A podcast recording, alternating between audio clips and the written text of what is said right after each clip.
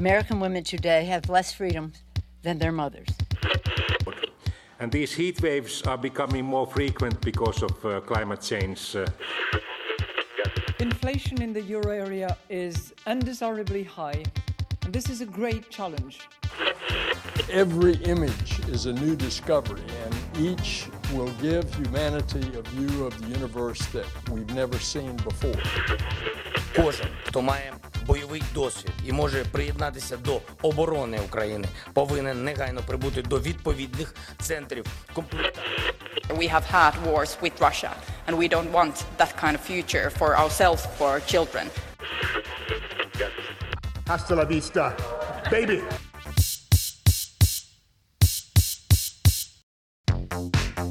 Þú ert að hlusta á heimskviður. Þáttunum allt sem gerist ekki á Íslandi. Ég heiti Birta Björstóttir. Og ég heiti Sunna Valgerðardóttir. Í síðari hluta þáttarins förum við til Afganistan. Ólöf Ragnarstóttir hitti Átna Arnþórsson, aðstóðar rektor Ameríska háskólans í Afganistan, sem stjórnar aðgerðunum sem snúaði því að koma fólki úr landi. Hann lýsir atbyrðarásinni sem fór á stað þegar talibanar náðu þar völdum á ný, nánast sem lígilegri. En fyrir hluti þáttarins verður helgaður umfjöllunum annan þátt. Sunna, þú hefur hlustað á hlaðarpseríuna Serial, er það ekki? Já, ég hlustaði á Serial og það var meira að segja svona fyrsta alvöru podcasti sem ég hlustaði á og ég er líklega ekkert einum það. Hlustaði þú ekki? Jújú, jú, það gerði ég og sam, segja sam og þú. Þetta var svona eiginlega fyrsta svona alvöru hlaðvarpi sem maður rendi gegnum. En það er reyndar komendaldið mörg ár síðan svo ég man ekki smáatriðin alveg og þú ætlar að fara yfir þetta allt saman í ljósi frétta vikunar en aðal personinni í serial, Adnan Sayed, rúmlega færtugum bandarækjamanni, var sleppt úr fangelsi á mánudag eftir 23 ára vist að bakvið lás og slá. Já, Sayed var 17 ára þegar hann var handtekinn í Baltimore í bandarækjunum árið 1999, grunaður um að hafa myrt fyrfirandi kæristuna sína. Hann var fundin sekur þó að rannsók lauruglu á morðinu hafi verið afar hróðvirknisleg, segja margir, og sannunargögnin gegn drengnum í besta falli vafasum. Sayed er mjög líklega ekki eini maðurinn sem satt í steininum í bandaríkjónum á grundvelli vafasamra sannunargagna, svo er talið nú ekki um mann sem er dökkur á hörund. Það er talið að um 5% fanga í bandaríkunum séu saklausir af þeim glæpum sem þeir sitja inni fyrir og í dag eru 2,1 miljón fanga þar í landi sem þýðir að um 105.000 manns sitja saklausir í fangelsi ef það er eitthvað að marka þessar tölur. Einmitt. En hvað var til þess að domstóli Baltimore tók mál Sayed sérstaklega fyrir sem endaði með þessar ógildingu ára tuga gamals dóms? Jú, það hefur líklega hjálpað tölverð til að máliðan Sayed var umfjöllunarefni í hlaðvarpstáttum. Hlaðvarpstáttum sem sitja enn þann dag í dag á toppi vinsaldalistana. Hlaðvarpinu Serial hefur verið hlaðið niður nokkur hundruð miljón sinnum síðan það kom fyrst út haustið 2014 og nýjasti þátturinn kom svo út í vikunni eftir að Sayed var sleft. Og ég ætla að skauta yfir söguna, kynna Serial fyrir ykkur sem ekki hafa hlustað en rifja upp fyrir þau sem þekkja til. This is a Global Cal-Link prepaid call from Adnan Sayed. An inmate at a Maryland Correctional Facility. From This American Life and WBEZ Chicago, it's Serial, one story told week by week. I'm Sarah Koenig.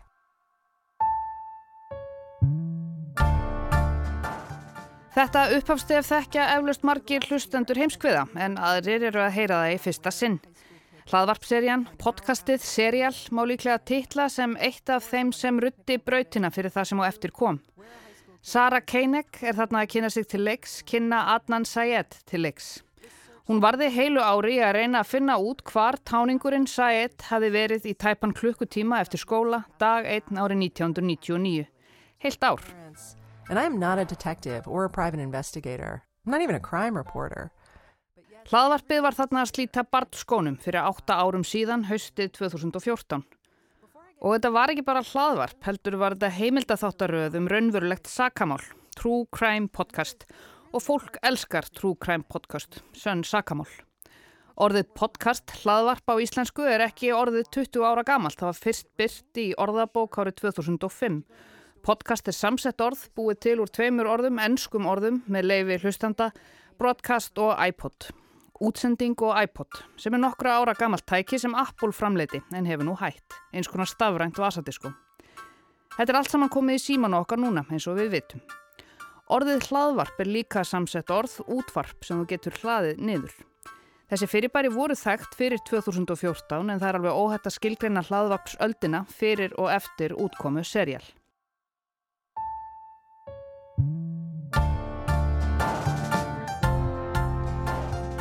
Serial vakti gífurlega aðtekli. Það fór efst á lista iTunes áður en það kom út og var þar vikum saman. Þátturinn vann til hinn að virtu Peabody fjölmiðlaverluna í april 2015 fyrir frumlega aðferð þáttastjórnanda og framleiðanda hlaðvarpsins að segja sanna sögum í laungu máli. Nánar tiltekið í 12 þáttum. Og í dag er búið að hlaða serju 1 og 2 af serial niður 340 miljón sinnum sem heldur þættinum á toppi heimslistans enn þann dag í dag. Áhuga fólkum útvarp þekkir líklega margt þáttinn This American Life sem hefur verið sendur út síðustu tvo áratíu í bandaríkjunum. Þátturinn er marg velunadur og nýtur mikill að vinselda.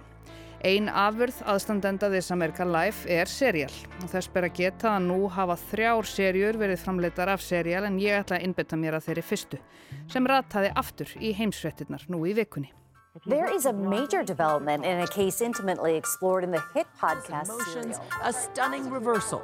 Baltimore state's attorney presenting new evidence of two other possible suspects. Vic, and what this all means is that after decades behind bars, Adnan could be released from prison. Það er rannsóknarbláða konan Sara Koenig sem á heiðurinn af serial. Umfjöllunar efni þáttana er morð, framið rétt fyrir aldamótin 1999. Fórnarlampið, ung kona, hinn 18 ára kórisk-ameríska Heimin Lee, nefandi við Woodlawn High School í Baltimore.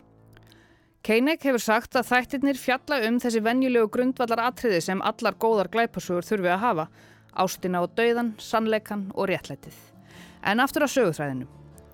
Síðast hafði spurst til Heimin Lee klukkan þrjú síðdeis 13. janúar 1999. Þá sást hún síðast á lífi. Lík hennar fannst tæpum mánuði síðar, 9. februar, í gardinum Líken Park og borið kennsla á hana tveimur dögum eftir það. Málið var um leið rannsakað sem morð.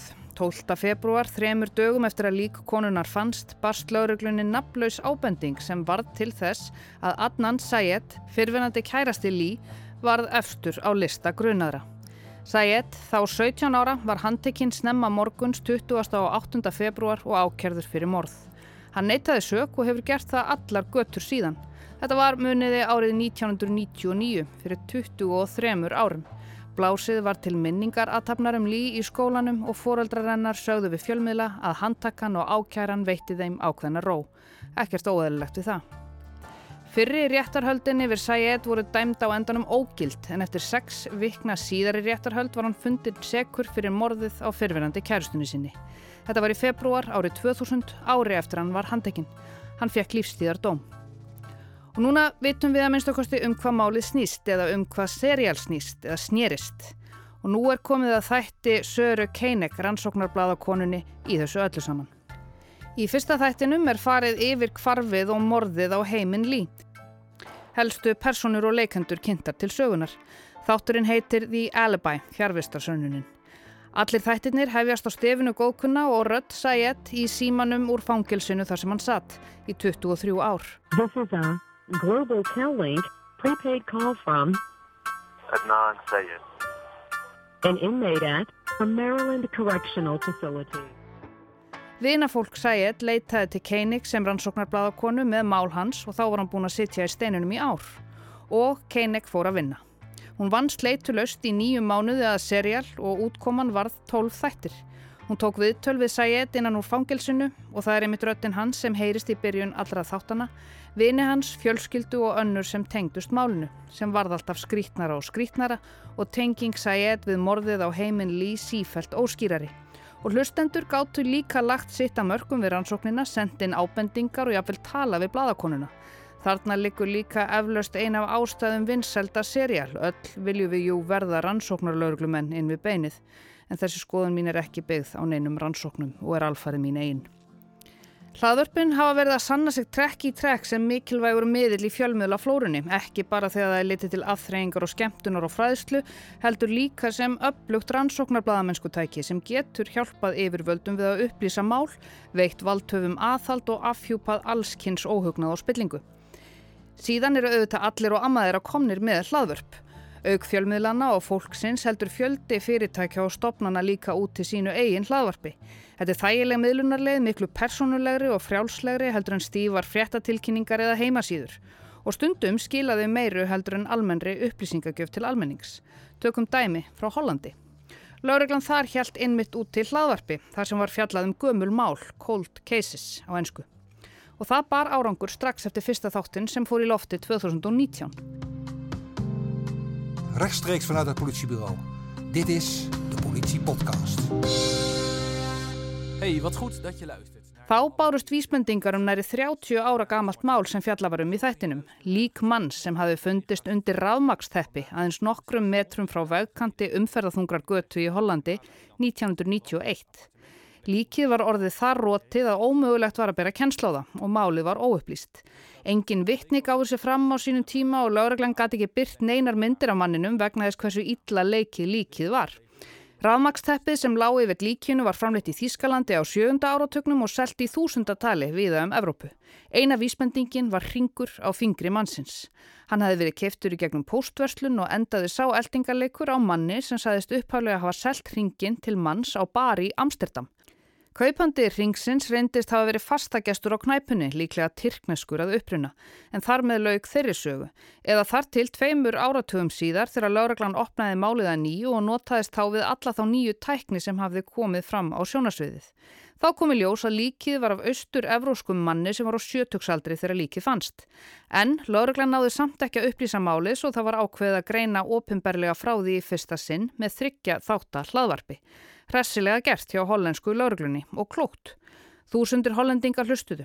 Fyrst vildi lauruglan jú átta sig á hver dáni maðurinn væri, svo auðvitað finna morðingjan. Það fylgir reyndar ekki annað sögunni en að lauruglunni hafi borist fjöldin allur af vísbendingum sem hafi komið þeim á sporið að nýju.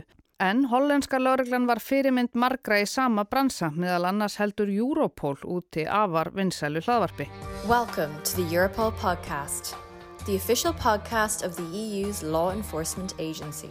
In this series, we will shine a light on some of the biggest operations Europol has supported. Danska ríkisútvarpið DR heldur að sjálfsögðu út til hlaðvörpum líka. DR, DR hljóð er mjög metnaðarfull og mikilvægt deild innan stopnunarinnar sem snýr bæði að hlaðvörpum og útvarpi í línulegri dagskrá og sumtur auðvitað bæði útvarp og hlaðvarp eins og þátturinn sem þú ert að hlusta á akkurat núna. Eitt nýlegt úr þeirra smiðju vakti mikla aðtegli fyrir nokkru mánuðum. Det var mest instrumenterne. Instrumenter, der skulle op i min livmor. Det var ligesom knive. Svo hljóðar byrjunin á hlaðvarpinu Spiralkampanjan eða Likkjuherferðinni. Þetta voru lýsingar grænlenskrar konu á því hvernig lækningatæki skárust upp í móðurlíf hennar þegar hún var 14 ára gömul og getnaðarvarnar likkjunu var komið fyrir inn í henni. Konan var ein af tæplega 5.000 grænlenskum konum sem urðu fyrir gífurlegu ofbeldi af hendi danskra heilbriðis yfirvalda á árunum 1966 til 1970 þegar ákveðið var að koma likkjunni fyrir inni í ungum stúlkum í átaki til að hæja á fólksfjölgun í landinu. Grænlensk yfirvöldurðu eðlilega æf yfir þessu og danska ríkið hóf rannsókn á því hvernig þetta gæti hafa átt sér stað. Svo var það núna í lok ágúst sem ástralskur maður á áttræðisaldri var dæmdur fyrir að myrða eiginkonu sína. Svo sem ekki frásögu færandi þannig séð nema konan hans hafði horfið fyrir 40 árum síðan og maðurinn neytaði alltaf sög. En síðan voru gerðir hlaðvarpstættur um málið, lauruglan tók upp rannsókninni á ný og bam, maðurinn dæmdur í fangilsi. Lynette Dawson was reported missing by her husband, former Newtown Jets rugby league star Chris Dawson. He said, I was going to get a hitman to kill Lynn. And he rang me and said, Lynn's gone, she's not coming back. I just want justice. And I'd love her little girls to know she didn't leave them. Konan Lynette Dawson kvarf árið 1982. Eginmaður hennar, morðingin Chris Dawson, sagðist á sínum tíma ekkert hafa heyrt í konu sinni eftir kvarfið. Ekkert gerðist í málinu, þar að segja ekki fyrir en ástralski rannsóknarbladamæðurinn Hedley Thomas gerði hlaðvarpstættina Teacher's Pet, kennarasleikjan, um kvarfennar. Þá tók lauraglega við að rannsaka málið á nýjan leik.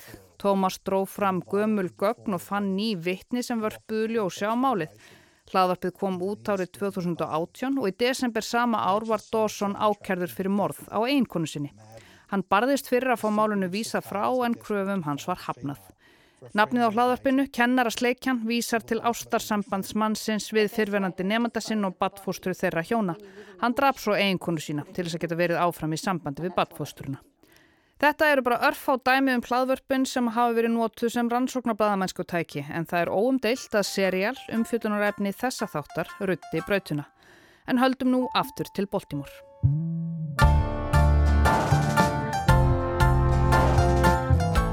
Eins og áður segir var Sayed fangelsaður 17 ára gamal 1999 og dæmdur í lífstíðar fangelsi eftir réttarhöld ári síðar. Ítrekkaðar tilrönnir hafa verið gerðar til þess að fá hann lausan í þessa rúmlega tvo áratugi án árangurs. En það var svo í síðustu viku sem ennbætti saksóknarans í Baltimore, sama ennbætti og sótti málið gegn Sayed á sínum tíma, lagði fram kröfu um að honum erði sleft á forsendum nýra sönnunargagna. Dómarinn tók það gilt, loksins og manninum var sleft manninum sem hafi verið drengur þegar hann fór í fangelsi. En spólum nú aðeins aftur í tíman þó ekki alveg aftur til 1999 heldur til 2016. Þá var farið fram á endur upptökumálsins á þeim forsendum að lögmaður Sayed hafi á sínum tíma ekki haft samband við likil vittni í málinu sem hefði geta staðfest fjárvistasönnunans þegar morðið á líf var framið. Þessi gamli lögmaður ljast árið 2004 en það þótti ljóst að Sayed hafi ekki verið veitt fullnægjandi lögfræði þjónusta. Þessu neytaði dómurinn ítrekkað eða alveg þangað til í síðustu viku. Dómarinn Melissa Finn ógildi dóminn yfir Sayed og það var gert eftir að Marlene Mosby yfir saksóknari Baltimore borgar tilkynnti að hún hafi farið fram á það við dómstólin að ógilda dóminn yfir manninum þar sem nýjar upplýsingar hefðu komið fram í málinu sem vektu sterkan vafa um sektans og kölluð á frekari rannsók málsins. Þessar nýju upplýsingar lúta annars vegar að tveimur mönnum sem einni voru grunaður um glæpin á sínum tíma og hins vegar um staðsetningargögn farsíma sem stuðst var við í rannsók málsins. En nýja rannsóknir hafa sínt fram á slík gögn eru afar óáreðanleg. Saksóknara embættið taldi sig því ekki geta treyst á réttmæti sakfellingarinnar. Dómarinn fórað tilmælum saksóknara og fyrir skipaði á mánudag tafarlausa lausn Sayeds við mikinn fögnuð hans sjálfs auðvita og viðstadra ættingja og ástvinna í réttarsal. Saksóknara embættið hafði þá 30 daga til þess að ákveða hvort það hyggist ákjara Sayed að nýju eða falla frá frekari mána tilbúnaði á hendur honum. Við erum ekki enn búin að lýsa Adnan Sayed saklausan, sagði yfir saksóknarinn Mósby á fréttafundi eftir réttarhöldin, en hún sagði að embættið myndi þó býða neðurstaðna úr nýri rannsókn á lífsínum af fötum hinnar myrtu, lí. Það ylti alfarið á þeim hvort fallið yrði frá öllum sakargiptum eða nýtt mál höfðað. Og auðvitað fyldist Sara Keinek með öllu saman. Hún byrti líka nýjan þátt í tilefni dagsins. Adnan Syed got out of prison yesterday. It was extraordinary, the whole thing. Here's his attorney, Erica Suter. Today, my friend and client Adnan Syed walks free for the first time in 23 years. Keinek lýsir þarna þessum tímamótum eðlilega sem stórkostlegum. Lögmaður Sayed heyrist þarna fagna því að vini hennar og skjólstæðingi hafi verið sleft. Hann er nú frjáls í fyrsta sinn í 23 ár. New York Times byrti svo samantækt á málinu sem hófst á myndbroti af Sayed smakka dumplings í fyrsta sinn. What are these? Those are dumplings we got yesterday. They're pretty good. pretty good. Og mér finnst þið hæfið að leifa Söru Keinek að eiga loka orðin hér. Yesterday, there was a lot of talk about fairness. But most of what the state put in that motion to vacate, all the actual evidence, was either known or knowable to cops and prosecutors back in 1999. Þó að stjórnvöld hafi viðurkent mistök sín þá er erfitt að finna til gleði, segir Keinek. Því bandaríska kerfið er orðið þannig að það tekur meira en 20 ár að leiðrætta það. Og eins og var komið inn á í ingangi þessa þáttar þá er þetta bara eitt mál. Það sitja meira en 2 miljónir bandaríkjamanna í fangelsi í dag og samkvæmt tölfræði þaðan er talið að um 5% þeirra séu saklausir, meira en 100.000 manns. Og þó að fólk elski sönn sakamál og hlaðvörpum sönn sakamál verða aldrei gerð hlaðvörp, heimildamindir eða jafnvel fréttir um allt þetta fólk, en vonandi alltaf einhverja.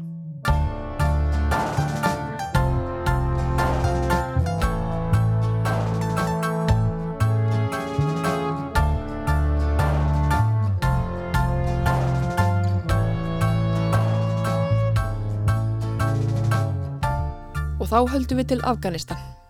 Lígilegt er fyrsta orðið sem kemur upp í huga Árna Arþórssonar, aðstóða rektors ameríska háskólans í Afganistan um atbyrðurásuna sem fór að stað þegar Talibanar náðu þar völdum.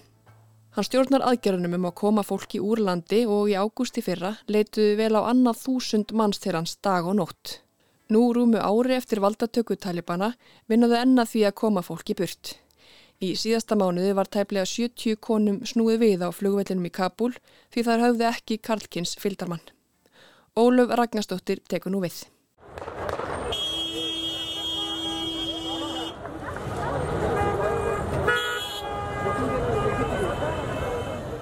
Myndir af örvæntingafullu fólki að reyna að komast inn á alþjóða flugvellin í Kabul eru líklega greftar í minni margra. Fóreldrar að rétta hermönum börn sín í vonum að þeim verði bjargað og hundruð hlaupandi og eftir þótum á leið í loftið. Og mitt í ringiðunni var Íslendingur. Seks stelpur sem ég let senda til þess á þriðudaginn, þær lendu í svaka málum, einu þeirra var barinn sem betur fer björgust þar allar og þær allar komast á flugdaginn eftir. Um, þetta er rosalega erfitt. Þetta saði Árni Þór Arþórsson í viðtali í kvöldfréttum sjónvas 19. ágúst í fyrra. Árni er aðstóðarektor American University í Afganistan. Við náðum tali af honum þegar hann var með erindi á haustaráðstefnu Advania í Hörpu. Verkefni aðstóðarektorsins Árna breyttust á svipstundu í ágúst á síðasta ári þegar hann var fenginn til þess að stjórna aðgerðum við það að reyna að koma nefendum og starfsfólki úr landi.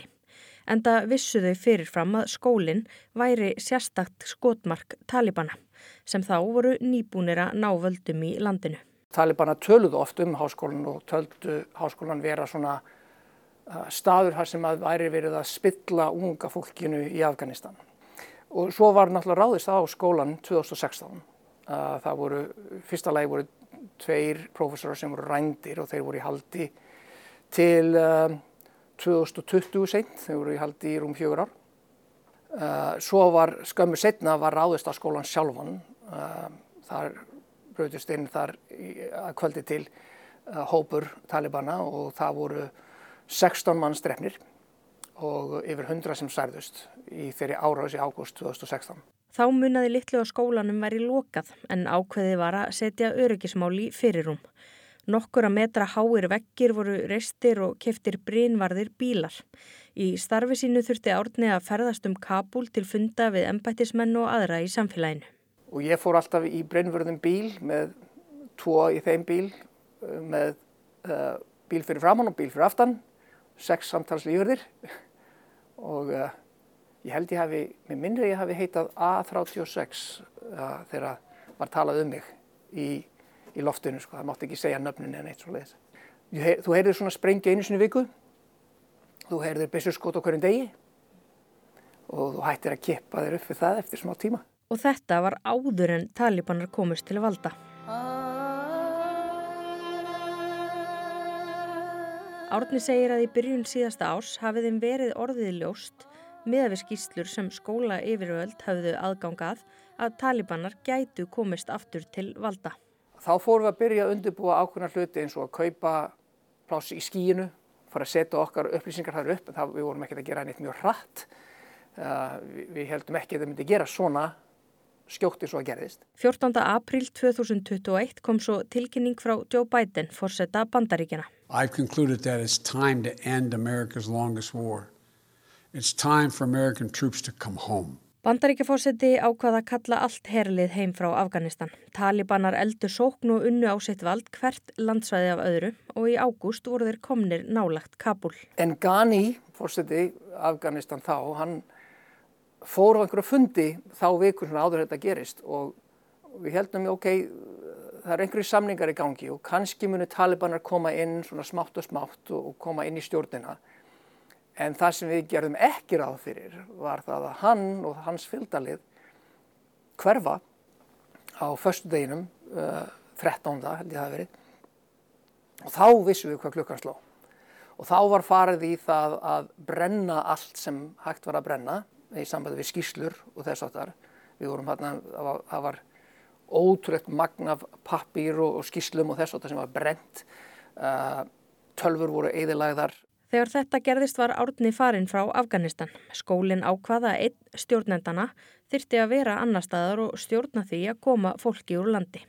Og það kom í hlut Árna. Þá byrjaði atbyrðarás sem var raunverulega lígileg og, og eins og margir hafa bent á, það er ekki tækt að, að upplifa það með öðrum það sem að gerðist. Því að einungis ef þú hefur upplifað þetta þá, þá skilur þú hvað, hvernig þetta var.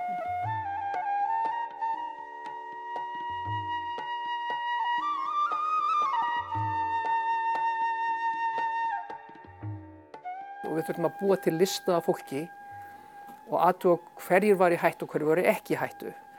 Rönnlega er náttúrulega að segja allir þessi í hættu í Afganistan. En við strax um, lögðum áherslu á að koma hvern fólkin út. En það reyndist líka að vera alveg gífuritt álagt því að síminn minn stoppaði þá ekki og, sagt, næstu uh, 14-15 daga í raun og veru alla nóttina og allan daginn. Hversu margi leituð til þín persónulega? Já, þetta er náttúrulega vel á annað þúsand manns og, og meira en það, er umlega þegar ég hugsa um það. 850 nefendur, 350 starfsmenn, útskrifaðir nefendur sem skipta hundruðum og svo aðrir sem höfðu einhver tengsl við skólan. Öllu þessu fólki var bent á að hafa samband við átna. Það var nánast ógerlegt að komast inn á flugvöldin á tímapunkti. Hvernig tókst þér að koma fólki inn? Sko við, við reyndum ekki í tvær vikur og það er uppi stað eftir tvær vikur, þá komum við aðeins 46 manns út sem að voru náttúrulega mikil vonbröði fyrir okkur. Við þurfum að treysta á stjórnir landa um að gera, gera eitthvað fyrir okkur. Bandarækjastjórnin, allir vonbröðum, þeir voru náttúrulega að hugsa um ákveði fólk og við heldum að við varum mikilvægri heldur en við vorum, gagvar þeim, má segja og þeir voru ekki tilbúin að hleypa okkar fólki inn á flugvöldin. Það voru stjórnveldi Katar sem komu þessum 46 inn á flugvöldin í ágúst 2021 og það var ekki auðveld. Fyrst þurfti að senda þau í sendiráð Katar í Kabul. Þar voru talibanar fyrir utan, umkringdur umröla svæði, við sáum hvað var að gerast og við þurftum að segja fólkinu að fara í gegn og þau voru á lista til þess að komast inn. Fóru, þar voru þar kannski eh, tæpan sólurheng tvo sólurringa eða svo og síðan fóruðum með rútum þaðan sem að Katar bjó út fyrir okkur og fórum með það í gegn. Við reyndum aðra hluti og uh, hluti sem að ég var ekki endilega sattur við uh, þegar ég fór svona að gera mig grein fyrir hættunni. Í lok ágúst, rétt áður en loftbrúin frá Afganistan lokaðist nánast alveg, senduðu 400 manns með rútum til flugvallarins. Nefendur, starfsfólk og fjölskyldur þeirra byðu í rútum í um 8 klukkustundir. Og það var ráðist á tvær rútur sem fólk vissi okkur þegar það fara inn. Þannig að það kom bara menn með bissur og sagði ég fer inn í þessa rútu. Þannig að vorum, okkar fólk var í beitni hættu. Uh, og ég var að, sá sem að stjórnaði þessu öllu saman og endanum setni part dags og sunnundi þá saði ég öllum þið farið heim. Bara fara heim núna. Og ég tók það ákvörðun einn. Ég, ég spurði engan vegna þess að ég bara vissi hvað var að gerast og, og hættuna sem fólk var í og hugsaði bara með mér að ef eitthvað hræðilegt gerist þá get ég nú ekki lifa með því. Þau sem voru í rútunum voru sum afar reið yfir ákverðun árna. Þau höfðuðu von og trú á að þau kæmust inn á flugullin á endanum. Átni segist vilja forðast í lengstu lög að taka ákvarðanir sem setja líf fólks í hættu. Það hefur gerst og sumi starfsmenn mínir sem hafa unnið í Afganistan hafa gert ímsla ótrúlega hluti fyrir mig og nefndur hafa tekið áhættur, farið í gegnum uh, landamann í Pakistan og, Íran og þess að þar. Og það er þeirra ákvörðun. Þegar þau voru að spyrja mig á ég að gera þetta, má ég gera þetta, eh, getur hjálp með ef ég fyrir þangað, þá er alltaf bendið á það að þetta er ykkar áhætta. Ég get ekki bannað ykkur eða sagt ykkur að gera eitthvað. Þið vitið hver áhættan er ég, ég hef oft sagt hérna þegar ég var spurður henn og þessu þetta er kannski ekki góð hugmynd. En hvernig takst maður á það að vera aðstofa rektor og allt í nú komin í þessa stöðu eins og segir að taka ákvarðanum um líf að setja líf fólks í hætt Já það má segja að þú gerir þig grein fyrir því að ég gerir mig grein fyrir því ákvörnum tímapunkti að ég var sá sem að þurft að gera þetta og það var engin annar sem að hafði upplýsingarnar og kunnustunum sem ég hafði til þess að gera þetta. Þannig að ef ég hætti að þá væri það vandamál. Átni segist hafa gott heimi í kringum sig. Í september í fyrra tókst þeim að koma 100 manns frá Afganistan, landleðina til Pakistans og þaðan yfir til Kyrkistans. Það var svona svo í bíómyndi að hérna, það voru einhvert sérsveitarlið frá Finnlandi sem að tókuðu í gegn svona fimm í einu yfir í landamærin og við fengum vilirði frá Pakistanstjórninu að koma þeim í gegn inn til Kyrkistan. Þeir eru miklu erfiðari núna eiga viðheldinu voru í fyrra þegar þetta var allt saman að gerast. Og þess vegna var ég í Pakistan til þess að hjálpa við það. Við vorum með fólk sem var í Islamabad í, vikur og daga og uh, við reyndar ennþá með hóp þar. Ég er búin að, er búin að vera að leia hús þar í, í, í næstu í heilt ár sem er svona safe house. Árni segir að fólkið sem komst til Kyrkistan sé í ágæti stöðu. Þau stunda nám við háskóla og eru mörg hver orðnir fullgildir nefendur þar. En í óttóber fórum 80 manna hópur gegnum Katar til Kurdistan í Írak og þeirra staða er ekki eins góð. Það er kannski erfitt að, að, að, að setja fingurinn á hvað hefur gerst þannig. Það hefur verið mjög erfið uh, dvöl þar. Nefnendur hafa lendi í vandraðum, við höfum haft tvær stelpur sem var reynd að fremja sjálfsmórð. Nú er verið að reyna að koma þeim nefndum til bandaríkina en það er langt og stramt ferli. Lækniskoðun, bakgrunnstjekk og mörg viðtöl. Að meðaltali tekur þetta ferli cirka tvö ár. Eftir útkominu á Afganistan þá þarf það að býði tvö ár til þess að komast til bandaríkina. Það er búið að flýta þessu kerfiðans fyrir okkur og við erum að ná þar sagt, þessum krökkum flestum til bandaríkina líklega núna næstu 2-3 mánuði. En það er ekkit vist að allir fá að fara. Þannig að við setjum uppi með kannski 10-15 mann sem að verður í Írak og Írakar munum vilja senda það tilbaka til Afganistan. Minna, þeir vil ekki hafa á þar og við þurfum að finna út hvað gerum við við þá krakka. Það er ekki komin inn lausn á það en þá. Hefur eitthvað uh, leitað til íslenskra stjórnvalda með það? Sko, í fyrra, þegar þetta allt saman byrjaði, þá tengdi ég við, við tvær konur sem ég þekki hér. Og einu þeirra hafði unnið í Afganistan og einu þeirra var í, í mentakerfinu hér og sagði ok, er eitthvað sem hægt er að gera hér. Og upp úr því var teimi hér heima af konum sem voru bara algjörlega frábærar. Að miklu leiti vegna þeirra verka, segir átni, ákváðu íslensk stjórnvöld að taka á móti 120 afgönum. Við vildum miklu fleiri og ég reyndi að aðtöku hvort ég geti komið mínum starfsfólki kannski hingað eitthvað að nefndunum, það gekk ekki upp. Í nokkrum viðtölum hafa ég gaggrínt þetta og, og, og það, það sveiðdáldið uh, þegar að ég sá hvað gerðist núni í vor Úkrænum en áttu skilið að fá hjálp og það var allt frábært með það og ég hef ekkert út á það að setja. En það sveiðdálitið að innan tveggja mánuða frá byrjun Úkrænustriðsins voru komni 400 Úkrænu fólk hérna og, og búið að koma í fyrir og allt var í lægi en, en það voru þá ekki ennþá búið að koma öllum 120 sem átt að koma frá Afganistan.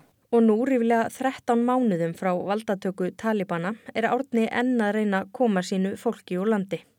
Stærstur hluti þeirra sem enn eru í Afganistan eru karlmenn. Og það sem það gerist í samtöfi landvistarleifi eins og Katar til dæmis er miklu meira viljut til þess að fá kvennfólk og bandaríkinn líka. Það var aðalega að bjarga kvennfólkinu sem er mjög skiljanlegt, ekkert að setja út á það. En það er náttúrulega eru karlmennin sem eru eftir. Þannig að við erum með þennan hóp sem að við rúnulega vorum búin að segja við munum reyna að ná ykkur út. Munum allt saman gerast? Ég veit það ekki. Um, ég hef svona rúmlega 100 pláss sem stendur og ég er með rúmlega 200 manns. Þannig að það hvað gerist með hérna 100, reynlega veit ég ekki. Og þau sem eru enn först í Afganistan búa við mikinn skort og mikla hættu og degi hverjum. Staðan í Afganistan er hræðileg. Meira og minna hafa, er fólk með rafmagn svona kannski 2-3 tíma dag. Margt að þessu fólki er fátakt. Það er mikið, geysi mikið atvinnuleysi þar núna og, og minna um peninga og minna um allt. Það er hungursneið í gangi sem að engi vil kannski tala um og það hefur verið svona minnum það núna í sömar því að það er gætt ræktað hitt og þetta en, en við veitum að þetta verður skelflegt í vetur. Og eins og segir það eru alla karlmenn eftir. Já. Hvaða ríki tekur á móti karlmennum frá Afganistan í dag? Engin sem stendur. Katar er tilbúin að taka ákveðna prósendu. Við höfum eftir að semja við þá um það. En af því að, að heimsbyggstararkernin er að byrja núna í november í Katar, þá eru við á þeirri skoðun, ég er svona nokkuð einn samfara um það að kannski ná við 2030 út í oktober, en síðan verður allt byggðið með allt saman þangað til eftir að heimsmyndararkerninni líkur. Það er nefnilega það, heimsmeistaramót Karla í fótbolta fyrir fram í Katar í november og desember og vegna þess hafa Katarar áhyggjur af öryggi, eðlilega, segir átni. Og við höfum áhyggjur af því líka. Meina, við veitum ekkert hvort að einhver okkur nefndum sé búið að, að snúa í síðastlega ár og eða kannski þurft aldrei að snúa. Voru kannski tengdi talibunum þegar þau voru í skólanum hjá okkur og við veitum það ekkert. Þannig að það er ákveðin áhætta sem fylgir þessu. Ef þú ættir að lýsa síðasta ári með einu orði, hvað myndur þú segja? einu orði? Lígilegt. Það er bara, þetta búið að vera lígilegt. Það, það eru margar sögur til sem að, það sem ég stundum bara stoppa á hleyið. Ég sagði bara, þetta er, þetta er, það er ekki hægt að trúa þessu að þetta hafi gerst. Að ég hafi þurft að gera eitthvað uh, sem að uh, ég, ég bjóst ekkert við því að ég myndi nokkuð tíma að gera. Þannig að, já, lígilegt að ég sé bara besta orðið hvað, hvað var það mína reynslu. Það er raunverulega engin rétt ákvörðun sem þú tekur hvað þetta varðar. En hins vegar er ég kannski til þess að, að uh, sætta mig við það sem ég hef gert. Ég þurfa að vera með það hugafara að ég hafi gert rétt. Því að ef ég fer að hugsa eitthvað annað þá held ég hérna, get ekki tekið á góðar ákvarðanir. Þannig lög samtali okkar átna, mannsinn sem í fyrstu tók ekki mála að fara til Afganistans þegar honum böð staða við háskóla í Kabul. En svo bárust mér hljóðskilabóð á Messenger. Sæl Ólaf, ég hef glemt að segja frá því sem hefur gerst að nýverið. Um, Þar segir átni mér frá því að þau hafi ætlað að koma hundrað mann spurt frá Afganistan í síðasta mánuði. Af þeim voru tæplega 70 konur og allar nema einn voru stoppaðar á flugvellinu. Þetta var mjög erfitt, þær, þær voru mjög hættar, við ekki, vissum ekki hvað myndi gerast en allavega að þær voru stoppaður. Um, við komum strákunum út og einni stúlku sem var, vildi svo til að hún var bróðurinn að var að fara líka, þannig að hún komst út, þannig að hann var hennar fylgdarmadur. Samkvæmt reglum Talibanastjórnarinnar meiga konur nefnilega ekki ferðast án eiginmanns eða karlkins ættingja. Og síðan þá hefur átna og teimi hans tekist að koma 11 af þeim stúlkum landleðina frá Afganistan, þar af þremur bara í síðustu viku. Og þetta hefur verið að gerast núna og er að gerast núna, að reyna að ná þessum stúlkum út uh, eins flótt eins og auðver. Þetta gleimist bara í öllu en þetta sem hefur verið að gera síðast og hefur tekið mestan minn tíma uh, síðan vikur síðan 20. ágúst þegar við ætlum að ná öllum út og það mistókst.